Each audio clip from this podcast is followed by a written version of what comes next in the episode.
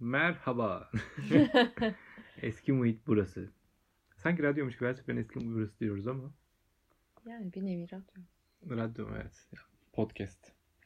Neyse. Yeni bir, yepyeni bir, cillop gibi bir sıfır format. Evet. Bizde de şey var. Farkında mısın? Yani Sürekli bir format evet, atıyoruz. yani sürekli tek videoluk formatlarımız oluyor. Çok iyi Ama bu tek videoluk değil.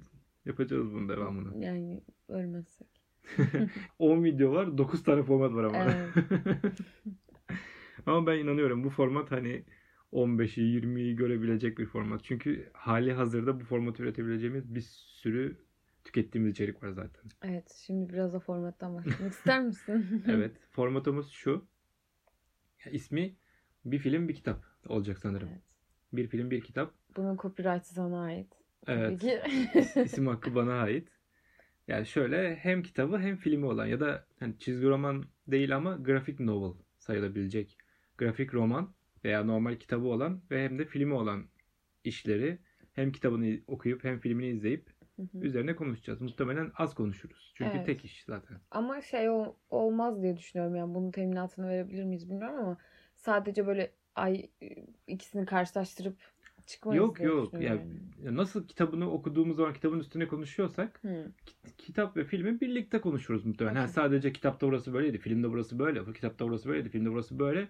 Zaten aşırı sıkıcı olur. Bir, yani bir de, bir de bir şey de yok. Yani kitap ve film tüketen herkesin görebileceği şeyler zaten. onlar. niye bunun üzerine konuşalım? Evet. Pekala. Burada Şu ama şey olmaz. Bir dakika şunu söyleyeceğim. Hı. Yani atıyorum Captain America Civil War'u çizgi romanını okuyup filmini izlemek gibi bir şey değil. Yani devamlılığı olan eserler tüketmeyeceğiz biz. Hı. Tek olanlar. Hani Okey okey. Nasıl Watchmen tek? Hani. Watchmen filmini izleyip konuşabiliriz ama 8'lik böyle bir şeyin serinin gidip de hepsini izleyip de hepsini okuyup öyle bir vaktimiz yok zaten. Yani evet. Yılda kaç tane kitap okuyoruz ki bir de serisine şey yapalım. Yani sen bayağı bir. Bu bize pek olmadı. Yine de olsun. Fazlasız. Çok fazla zaman olur. Bugün ne konuşacağız? Ay ben podcast çekmeyeli bir böyle şey soğumuş gibiyim ya. Böyle bir- Soğumuş musun? Ya ısınmam lazım anladın mı? Böyle kendime yabancılaşmış, geleyim. yabancılaşmış. Ya şu son deseydin 20 bari? günde hani 2 sene geçirmiş kadar olay yaşadım ya böyle yaşlandım yani. O sebepten özel hayatımı şeye kanala yansıtmamam lazım. Özel hayatını Kendime biraz daha geleyim. ünlenirsek vlog olarak çekecek Büşra. Tabii Malatya vlog. Bugün işten ayrıldım. Aynen Malat Malatya vlogu sunum, Bugün- sunum yapacağım. Bugün istifa ettim. Ama başlık şöyle olması lazım. Ne bileyim hani e, işverenimle kavga ettim, bastım istifaya çıktım. Ama öyle hani istifa etmiş aslında falan. Evet. Garip garip. Neyse devam edelim. Neyse aynen. Ne konuşacaktık bugün? Uçurtmayı vurmasınlar. Evet. Feride Çiçekoğlu'nun öyküsü mü aslında? Ya Roman diye geçmedi mi? Öykü şöyle, diye geçiyor. Şimdi yine aynı şeye geleceğiz. Ee, şimdi buna aslında yurt dışında novella deniyor. Ama Evet. bizde işte Romancık. uzun öykü mü, kısa roman mı bir türlü şey bulunamıyor. Buna da Yekta Kopa'nın bulduğu bir kelime var. Romancık. Hı hı. Ki bence çok güzel bir kelime. Yani hani edebiyat şeyleri, düşünürleri vesaireleri hani buna bir kelime bulsa. Çünkü niye novella diyelim? Niye ben noveli demeye okeyim ya. Bizde bir karşılığı yok bunun. Ya romancık Uydurum- var yani. Bence güzel.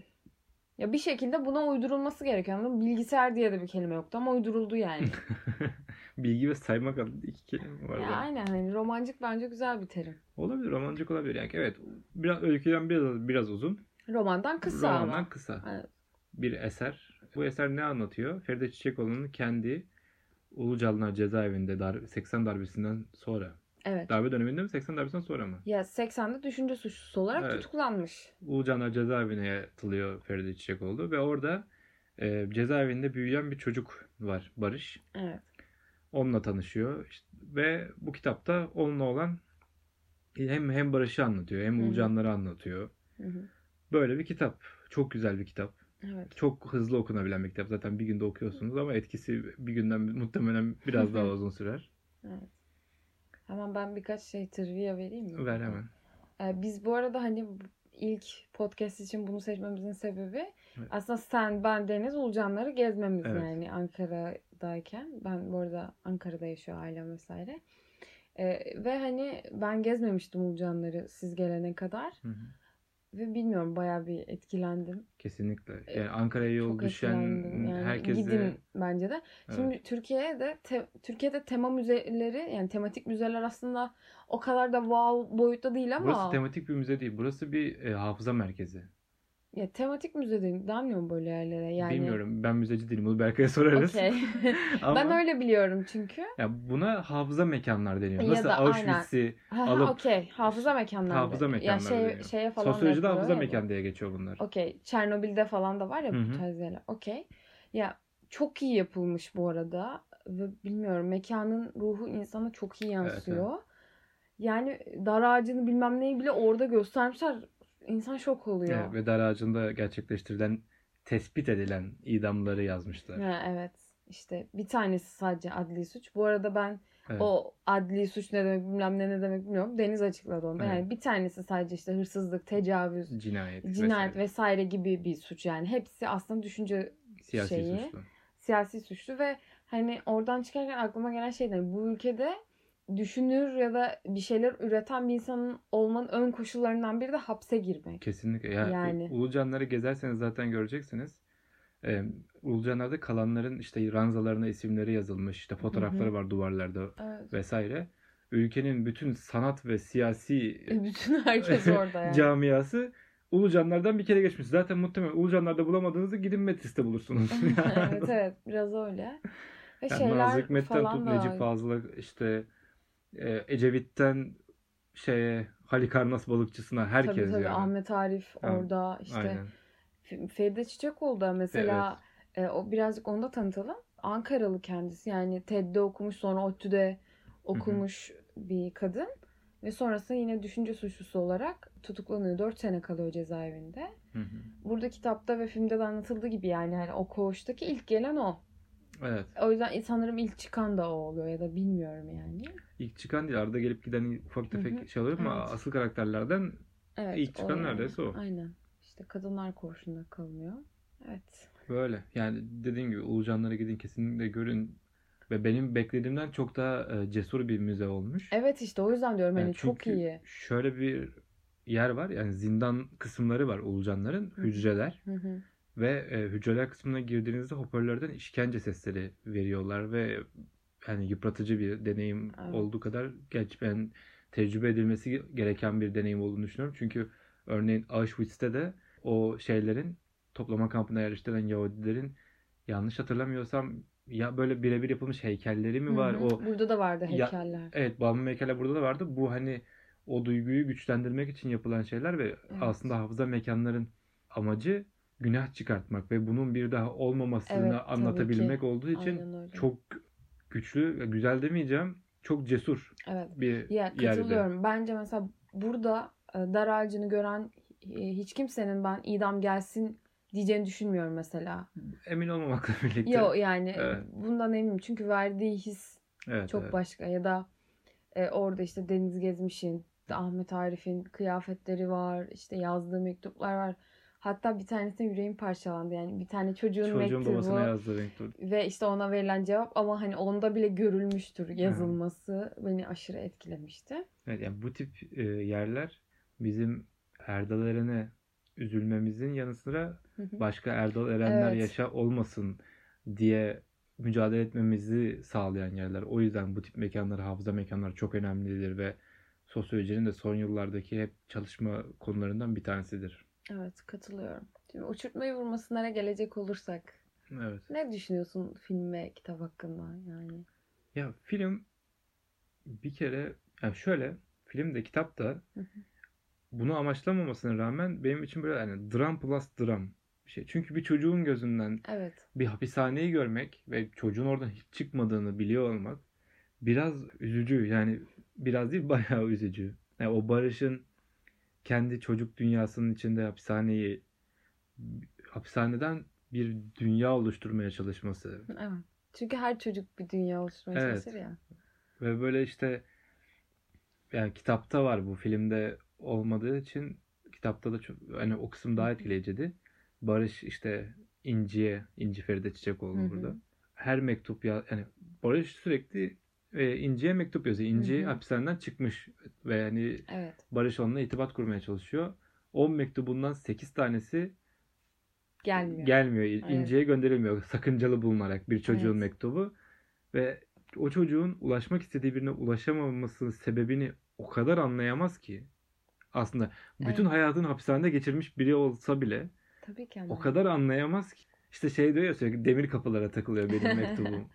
Evet. Yani çok çok şeydi, üzücüydü. evet. Ben kronolojik bir yorum yapmak istiyorum. Hı hı. Türkiye'nin nasıl bir yer olduğunu anlamamız için söylüyorum bunu.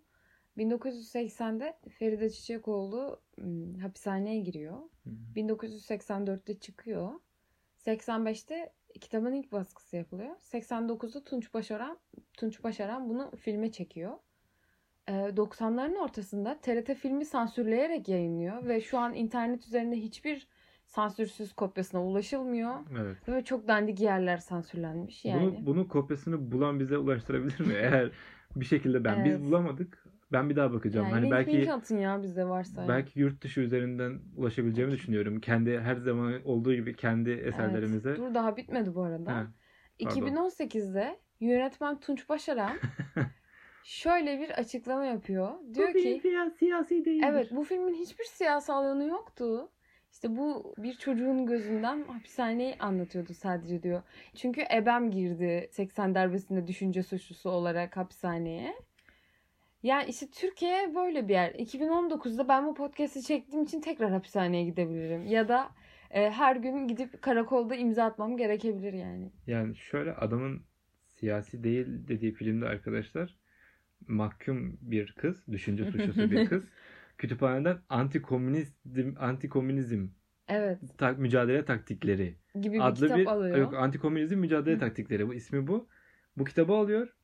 Müdür koğuşlarda bu kitabı buluyor. Hapishanenin kütüphanesinden olmasına rağmen ve geri zekalı olduğu için üzerinde sadece komünizm yazdığı için kitabı tehlikeli olarak buluyor. Halbuki antikomünizm mücadele Hı hı. taktikleri. Kitabı yırttırıyor. Kitabı yırttırıp zarflara doldurtturup sonra gidip yakmalarını söylüyor. Evet Ve yönetmen diyor ki bu film siyasi değildir. evet işte.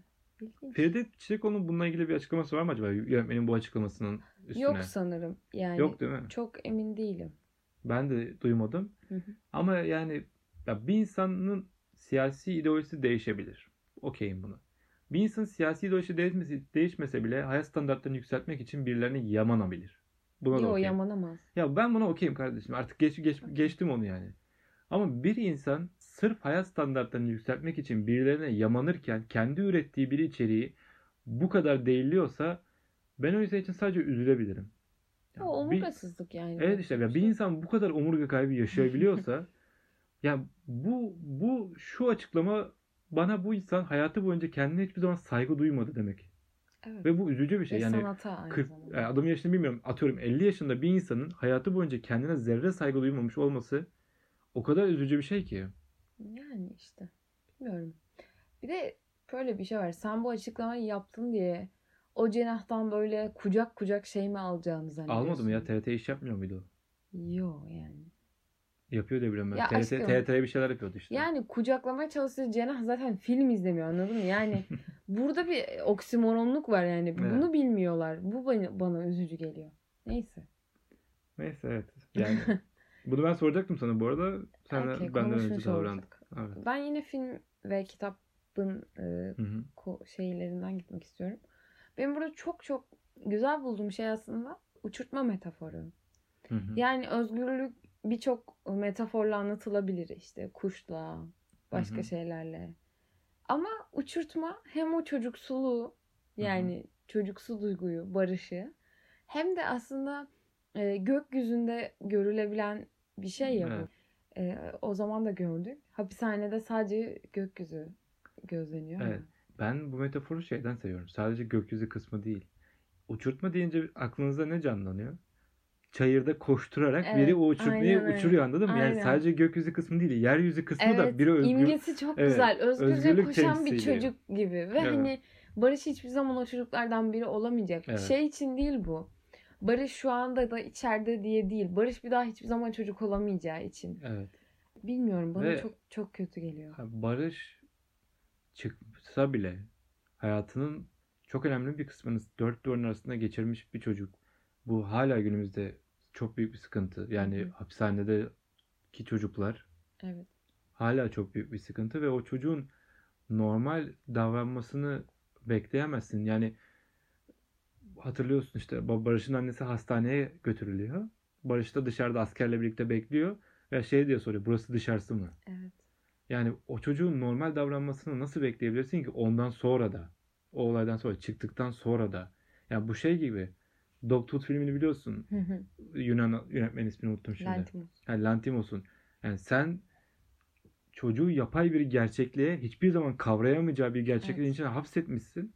Ve o çocuk ondan sonra da normal olması için bir o kadar sene daha terapi görmesi gerekiyor. Bu hala yani hala bunun bu kadar büyük bir sorun olması gerçekten bir arpa boyu yol öyle. gidemediğimizi gösteriyor. Evet.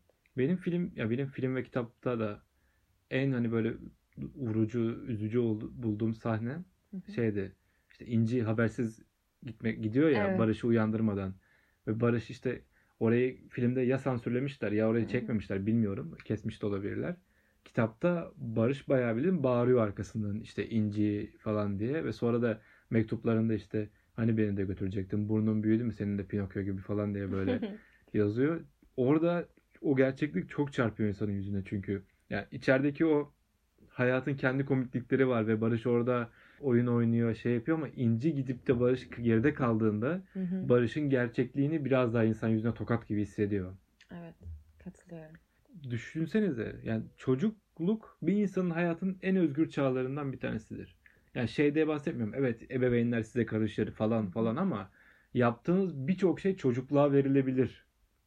Ve yani bir insan hayatının en özgür çağlarından birinde dört duvar arasından çıkamıyor. Evet. Bu kitapta yani kitapta ve filmde muhtemelen gerçekte de gördüğüm ve karşılaştırmasını güzel bulduğum bir şey. Ya Barış 4 yaşında bir çocuk, 4 ya da 3 yaşında. Hı hı. O civar bir şey. Genç kızlar var.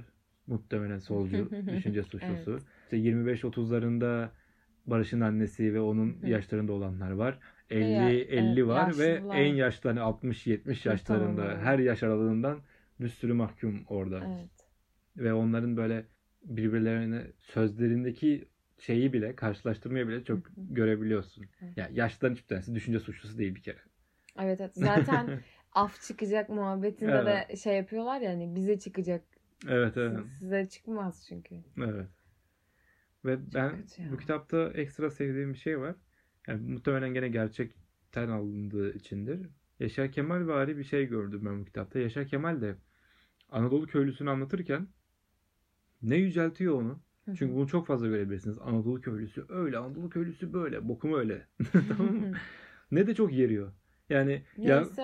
Yakup Kadri okuduysanız Anadolu köylüsü yermesini görebilirsiniz. Hani Evet. biraz böyle köylere diye takılır. Ama şöyle Yakup Adri İç Anadolu'yu görmüş bir insan. Ya Yakup Kadri, Yaşar Kemal onu görmedi. ya, Yakup Kadri bir de şey ya adam yüksek zümreden anladın mı? Evet. O akademiden geliyor zaten. O Evet. köylüye böyle şey diye bakıyor zaten. Maraba bunlar. Maraba değil tezek diye bakıyor anladın mı?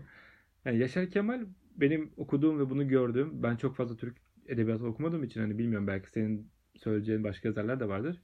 Neyse onu anlatıyor abi. Yaptık yaptıkları cesurca ve hani belki şehir insanından beklenemeyecek hamleleri de anlatıyor.